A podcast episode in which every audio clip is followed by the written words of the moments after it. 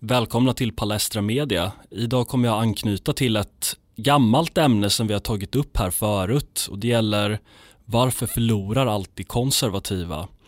Och inspirationen till att göra det fick jag faktiskt från Sverigedemokraternas eh, mediesatsning Riks där deras nyförvärv Eva eh, med ett väldigt krångligt efternamn från Nederländerna som jag inte kommer att uttala tog upp ämnet. Och det är ett ämne som alltid förtjänar att återkomma därför att det verkligen är sant att eh, det verkar ligga någonting i att konservativa har en tendens att förlora sina politiska strider. Och jag tyckte också att det var eh, lite uppseendeväckande att ta del av vilka reaktioner som hennes tagning på det här fick på bland annat Twitter från en del av de här liberalkonservativa eller kaxervativ typerna som eh, är knutna till Timbro och liknande. Att det var en hel del väldigt surmulna och nästan direkt fientliga reaktioner från en del håll. Och jag tycker det visar att eh, kritiken slog an en sträng, det vill säga att, eller att den, den träffade helt enkelt där det gjorde ont på ett sätt som, som de nog inte hade velat.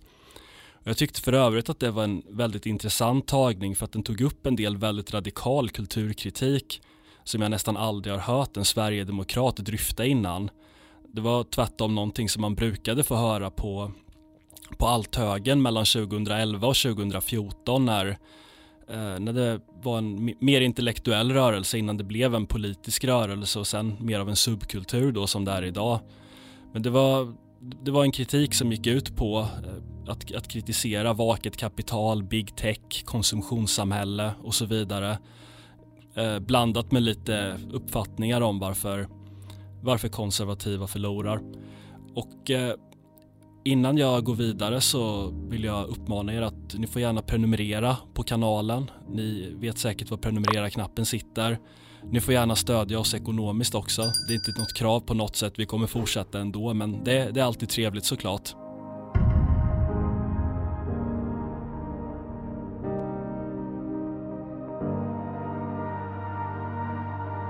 Man kan väl säga att jag, jag, kommer nog gå lite mer på djupet och presentera lite andra perspektiv men det, det, det är ju så att en, den store liberale tänkaren John Stuart Mill kallade ju Tories, det vill säga det brittiska konservativa partiet för the stupid party.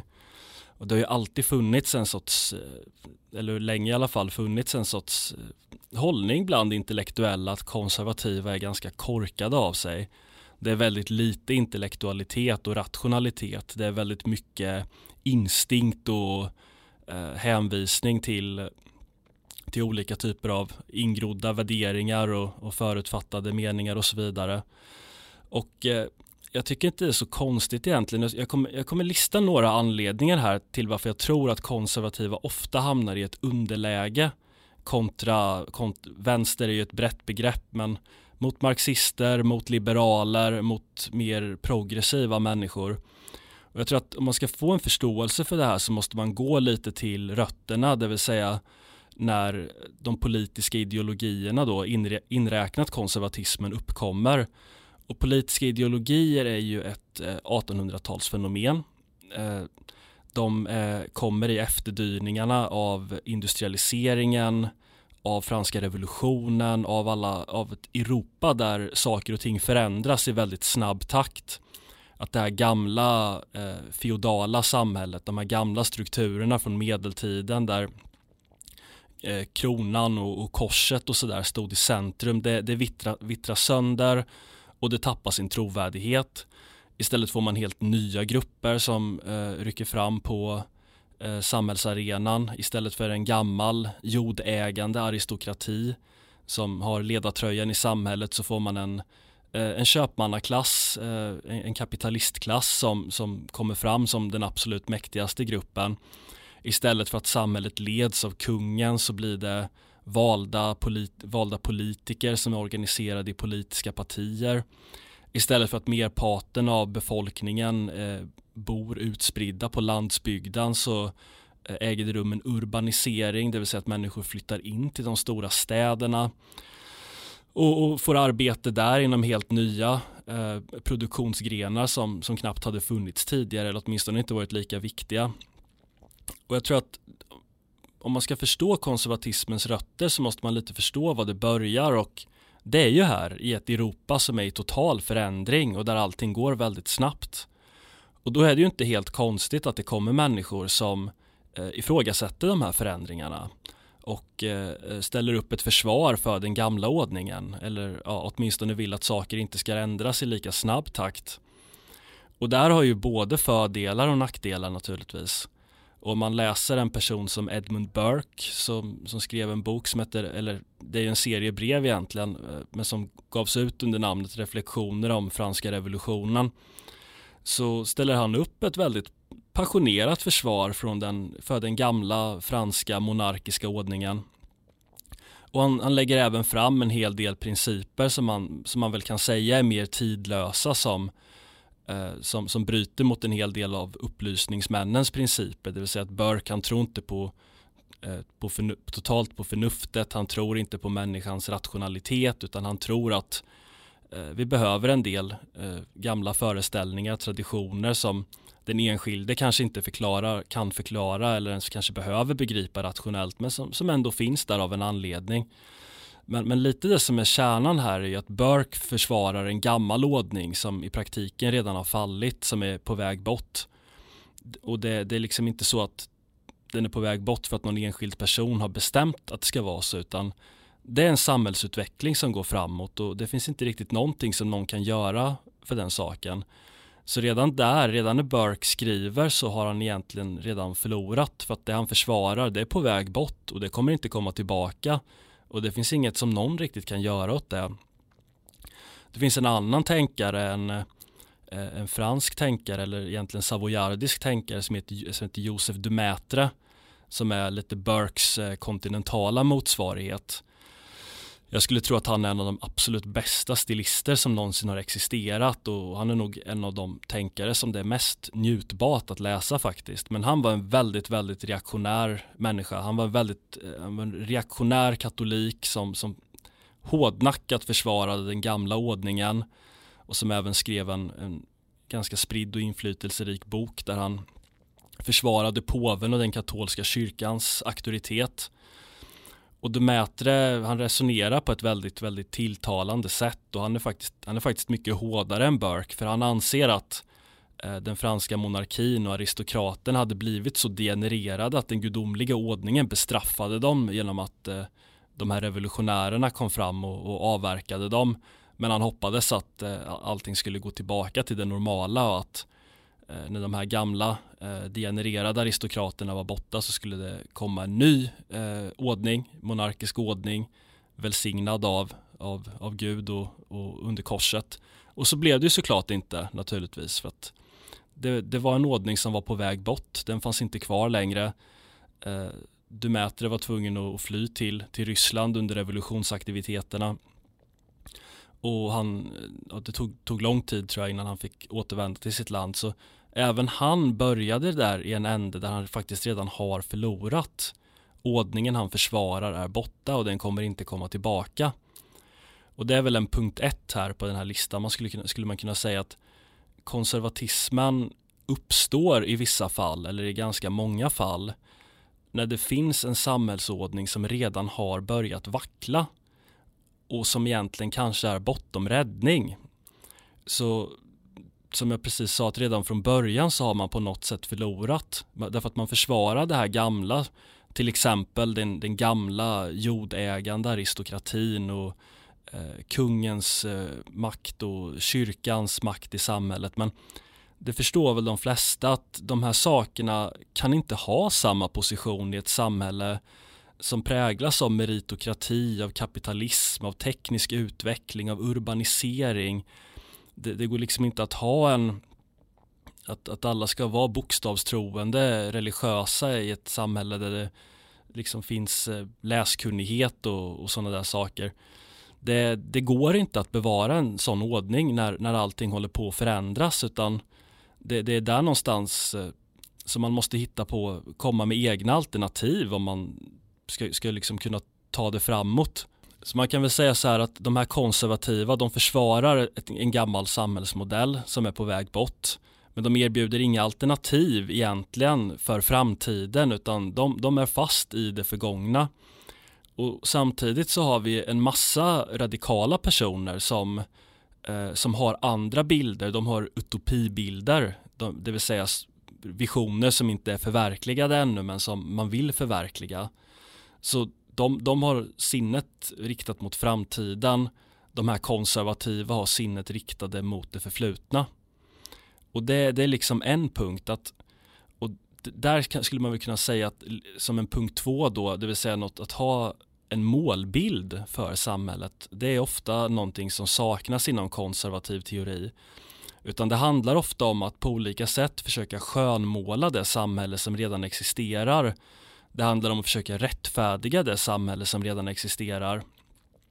Men det finns egentligen inga egna initiativ utan många konservativa blir tvärtom inlåsta i en passivitet där man eh, istället för att liksom, i ett samhälle som är satt i förändring styra den här förändringen på något sätt och ha egna idéer om hur samhället skulle kunna förändras så är man väldigt fast mentalt i hur saker redan är. Och det, det, är klart, det kan ju vara en styrka i, i, någon, i någon grad att, att liksom inte sväva iväg för mycket utan ha sinnet, eh, för, sinnet riktat mot realiteter.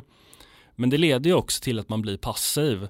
Och är det någonting som olika typer av progressiva grupper har, det vill säga folk på vänsterkanten, liberaler, marxister, vad det nu kan gälla om, det är ju att man har utopibilder, det vill säga man har saker som man vill förverkliga, man har saker man vill göra, man har saker som man jobbar för för att de ska bli verklighet. Alldeles oavsett nu om det handlar om att liksom demolera stora delar av Stockholm för att bygga upp eh, fula modernistiska åbäken eller om det handlar om att reformera skolan eller om det handlar om att omforma Sveriges demografiska sammansättning eller egentligen vilket politikområde som man, som man, som man vill. Så när konservativa är passiva och försöker bevara samhället som det är så är andra intresserade av att förändra samhället. Och det leder, skulle jag säga, till en tredje punkt. Därför att det är ju så här att om man alltid förhåller sig till den existerande ordningen, om man alltid förhåller sig till det som är och samhället innan det har förändrats i en vänsteraktig riktning eller vad man ska säga en vänsteristisk riktning då blir det ju så här att man, eh, man vill bevara även saker som vänstern har genomfört. Eh, och de senaste hundra åren och lite till så är det Socialdemokraterna som haft sin makt, som haft den yttersta makten i Sverige. Hela samhället som det ser ut just nu är påverkat i alla avseenden av Socialdemokraterna och vänsterpolitik. Och det borde ju säga sig självt i så fall att om man är intresserad av att bevara ett sådant samhälle som det är, då kommer man bevara väldigt, väldigt mycket av det som vänstern har skapat. Och det leder ju till en sorts paradox egentligen att om vi säger att konservativa eh, slogs mot någonting på 50-talet som de absolut inte ville ha genomfört. De, de stred mot det med näbbar och klor. Eh, men de misslyckas ju såklart, vilket ju ofta brukar vara fallet. Och det här genomförs och det får ligga och gro i samhället i 60-70 år. Eh, och det, det, accepteras och går ut i allmänheten som någonting som är självklart och så har det alltid varit. Då kommer ju konservativa 70 år senare att tänka på det som något naturligt. Då kommer det vara den här nya naturliga ordningen som man försvarar. Fast konservativa i en tidigare generation väldigt starkt vände sig mot det. Så det blir en, sån, en sorts riktningslöshet där man inte, ta, inte kan ta några egna initiativ och man inte kan eh, och man, man, man blir passiv, man blir den som förlorar därför att ofta i olika, inte bara i intellektuella politiska sammanhang utan kanske även i idrott, brasiliansk jutsu eller boxning eller vad man vill, att det är ofta den som är aktiv som vinner faktiskt. Det är den som skapar, som tar initiativ, skapar möjligheter, utnyttjar luckor. Den som är passiv blir ofta den som förlorar. Sen vill jag även ta upp en fjärde poäng i det här som som knyter an lite mer till det här eh, som, som Riks gjorde.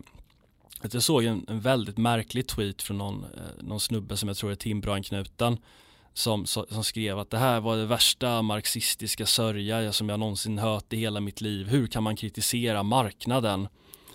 Och sådär. Jag, jag tycker det är så intressant det där därför att konservatism saknar i väldigt hög grad en kritisk begreppsapparat. Det saknas, liksom, det saknas bra teoretiska Eh, redskap för att kritisera samhället. Och det som väl finns blir ofta ganska torftigt. Att det blir någon sorts lite kälkborgerlig moralistisk kritik om att eh, ja, jag vet inte vad, att kvinnor har för korta kjolar på sig eller någonting. Det, det, blir ofta ganska torftigt. Och jämför man det med marxism till exempel eller vänstern i allmänhet, man har hundra år eller mer av att bara slipa sina kritiska begrepp.